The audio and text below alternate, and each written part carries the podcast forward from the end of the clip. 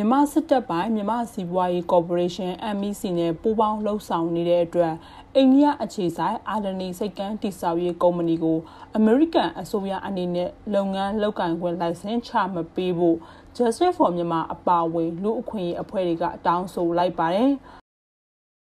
အာဒနီစိတ်ကမ်းနဲ့အထူးစီးပွားရေးဆောင်စီမံကိန်းကုမ္ပဏီ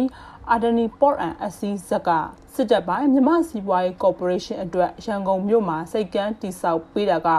လူအခွင့်အရေးချိုးဖောက်မှုတွေကျူးလွန်နေတဲ့စစ်တပ်ကိုဗန်နာငွေကြေးထောက်ပံ့ပေးရရောက်နေတဲ့အတွက်မြန်မာစစ်တပ်ရဲ့လူအခွင့်အရေးချိုးဖောက်မှုတွေကိုဖော်ထုတ်နေတဲ့ Justice for Myanmar အဖွဲ့နဲ့ Australia အခြေစိုက်နိုင်ငံတကာတရားမျှတမှုဌာန Australian Center for International Justice အဖွဲ့တို့က အမေရိကန်ဗန်နာရေးဌာနပြည်ပပိုင်ဆိုင်ကွက်ကဲရုံ OFAC ထံကိုလုပ်ငန်းလိုင်စင်တွေချထားမပေးဖို့အတွက်တောင်းဆိုလိုက်တာပါအမေရိကန်ဗန်နာရေးဌာနကမြန်မာစစ်တပ်အပေါ်ချမှတ်လိုက်တဲ့ပိတ်ဆို့တန်ခတ်မှုတွေနဲ့ညှိစွန်းနေတဲ့အတွက်အာဒနီစိတ်ကမ်းတိစာရေးကုမ္ပဏီကိုပါအရေးယူဖို့လိုအပ်တယ်လို့ Justice for Myanmar အဖွဲ့ကထုတ်ပြန်ပါတယ် မြန်မာနိုင်ငံမှာဖေဖော်ဝါရီလ၁ရက်နေ့စစ်တပ်အာဏာသိမ်းခဲ့ပြီးတဲ့နောက်ပိုင်းမှာဖြစ်ပေါ်ခဲ့တဲ့အကြမ်းဖက်တပ်ဖြတ်မှုတွေနဲ့အခွင့်အရေးချိုးဖောက်မှုတွေကြောင့်မြန်မာစစ်ကောင်ဆောင်တွေနဲ့ MEC မြန်မာစီးပွားရေးကော်ပိုရေးရှင်းအပါအဝင်စစ်တပ်ပိုင်းစီးပွားရေးလုပ်ငန်းတွေပေါ်အမေရိကန်ဗဏ္ဍာရေးဌာနကအခုနှစ်မလအတွင်းမှာတန်ခတ်အရေးယူမှုတွေလည်းချမှတ်ခဲ့ပါတယ်။အမေရိကန်ပြည်အောင်စုကချမှတ်ထားတဲ့မြန်မာစစ်တပ်ပေါ်တန်ခတ်ပိတ်ဆို့မှုတွေနဲ့ညှိစွန်းနေရင် မြန်မာနိုင်ငံကတိစောက်နေတဲ့စိတ်ကမ်းစီမံကိန်းကိုရက်ဆိုင်ကောင်းရက်ဆိုင်မယ်လို့အာဒနီကုမ္ပဏီကမေလအစောပိုင်းမှာထုတ်ပြန်ခဲ့ပါသေးတယ်။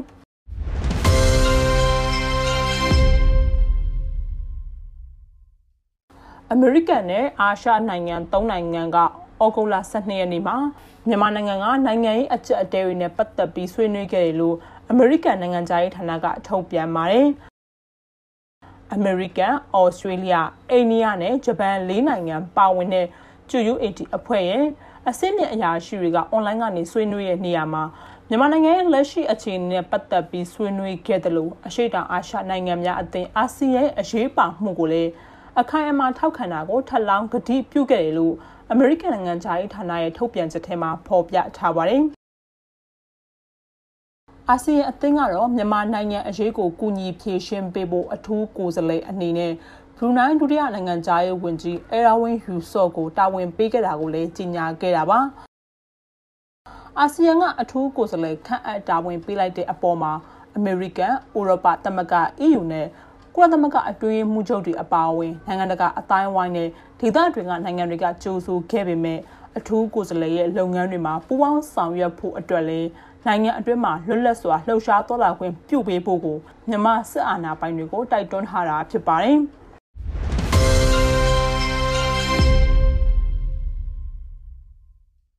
တရုတ်မြန်မာနယ်စပ်ကုန်သွယ်ရေးမျိုးတချို့မှာ COVID-19 ရောဂါကူးစက်မှုတွေမြင့်တက်လာတဲ့အတွက်တရုတ်နိုင်ငံဘက်ကကုန်သွယ်ရေးဂိတ်တွေကိုယာယီပိတ်လိုက်တဲ့တလကျော်အတွင်းမှာအမေရိကန်ဒေါ်လာတန်300ခန့်ဆုံးရှုံးနိုင်တယ်လို့မူဆယ်နေဆက်ကုန်သွယ်ရေးထံကနေသိရပါတယ်။အဲ့ဒါ ပြီးတော့ပြန်တွေကို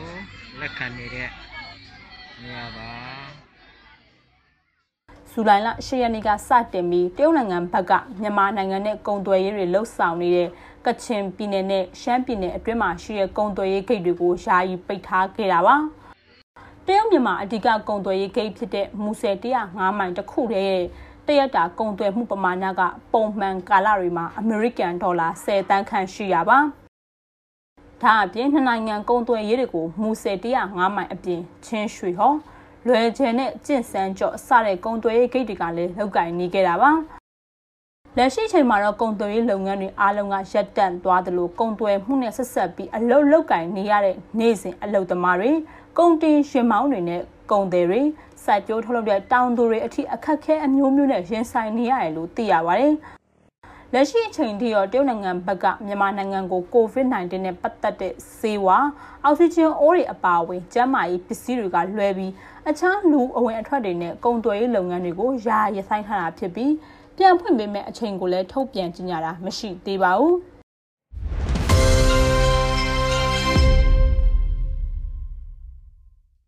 အိမ်သုံးဆေးဝါးတွေတူလောင်တာအမျက်တင်ရောင်းချနေရဆိုပြီးဆေးကိုတောင်ကိုလုံးကိုစီစစ်အရေးယူထားရလို့ဩဂုတ်လ12ရက်နေ့ကစစ်ကောင်စီဘက်ကထုတ်ပြန်ပါတယ်။ထုတ်ပြန်ချက်ထဲမှာတော့ COVID-19 ရောဂါတတိယလှိုင်းဖြစ်ပွားနေတဲ့ကာလအတွင်းမှာအများပြည်သူတွေအတွက်စေဝါဈေးနှုန်းကြီးမြင့်စေဖို့မရှိဖို့ရည်ရွယ်ပြီးစေးကိုယ်တော်တွေကိုမြို့နယ်အလိုက်အဖွဲ့တွေခွဲပြီးစစ်ဆေးဆောင်ရွက်နေလို့ဆိုထားပါတယ်။ကိုတော်လက်ကျန်စည်ရင်ကောက်ယူတာ ကုန်ပစ္စည်းအဝင်အထွက်လဲကြတွေစစ်ဆေးချက်ခွင့်ပြုဖို့လိုင်စင်ရှိမရှိအရင်ကစေးပစ္စည်းတင်သွင်းရောင်းချတာဒါမှမဟုတ်အခုကာလမှပဲဈေးကွက်အတွင်းကနေစေဝါပစ္စည်းတွေဝယ်ယူတိုးလောင်တာပစ္စည်းတွေကိုထိန်းချုပ်ထားတာအမျက်ကြီးစားရောင်းချဖို့ရည်ရွယ်ပြီးတိုးလောင်ခြင်းရှိမရှိဖော်ထုတ်စစ်ဆေးမှုတွေဆောင်ရွက်တာလို့ဆိုပါတယ်ပြီးခဲ့တဲ့ဩဂုတ်လ6ရက်နေ့ကလည်းရန်ကုန်တိုင်းဒေသကြီးကုန်တယ်ဆက်မှုအသင်းချုပ် UMSCCI နဲ့ပြည်တွင်းမှာရှိတဲ့စေဝါတင်သွင်းဖြန့်ဖြူးနေတဲ့ကုမ္ပဏီတွေကတွေ့ဆုံပြီး ပြည်ပကနေစေးပစ္စည်းတွေအလွယ်တကူတင်သွင်းနိုင်ဖို့ဈေးကွက်အတွင်းစေဝါတွေမပြတ်လက်စေဖို့နဲ့ဈေးနှုန်းတတာတွေကာကွယ်ထိန်းချုပ်ဖို့အတွက်အစည်းအဝေးပြုလုပ်ခဲ့ကြသေးတယ်လို့ UMSCCI ဘက်ကသတင်းထုတ်ပြန်ထားတာရှိပါတယ်။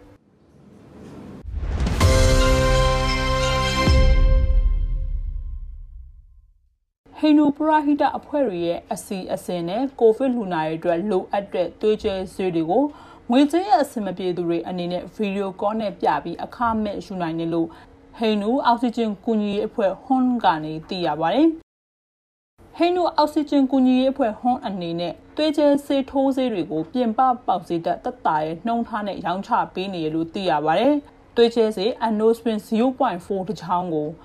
ဈေးနှုန်း9000ကျပ်နဲ့0.6တချောင်းကိုဈေးနှုန်း8500ကျပ်နဲ့ ရန်ကုန်မြို့မှာရှိတဲ့52လမ်းဟိန်နူဖျားကျောင်းရှိခမ်းမဆောင်မှာရောင်းပေးမယ်လို့သိရပါတယ်။လက်ရှိမှာသွေးကျဲဈေးတွေကလိုအပ်ချက်မြင့်မားနေပြီးဈေးကွက်ရှားပါတဲ့အပေါ်မှာဖြည့်ဆည်းပေးနေရပြီးအရေးပေါ်အောက်ဆီဂျင်လိုအပ်တဲ့လူနာတွေအတွက်လည်းအောက်ဆီဂျင်အခမဲ့ငှားရမ်းပေးတာတွေကိုပြုလုပ်နေပါတယ်။လက်ရှိကိုဗစ်တတိယလိုင်းအတွင်းမှာမြန်မာမွတ်စလင်အသင်းတွေမြန်မာနိုင်ငံကလျာဏာယူဝခရစ်ယာန်အသင်း YMCA နဲ့ ဟိန္ဒူပရဟိတအသင်းတွေကပြင်ပပေါက်ဈေးတွေထက်တက်တာရဲ့နှုံထားနဲ့ကိုဗစ်ရောဂါနဲ့ပတ်သက်တဲ့ဆေးဝါးတွေကိုရောင်းချတာအောက်ဆီဂျင်အပါအဝင်ဆက်ဆက်တဲ့ပစ္စည်းတွေကိုငှားရမ်းပေးတာတွေကိုလည်းလှုပ်ဆောင်နေတာဖြစ်ပါတယ်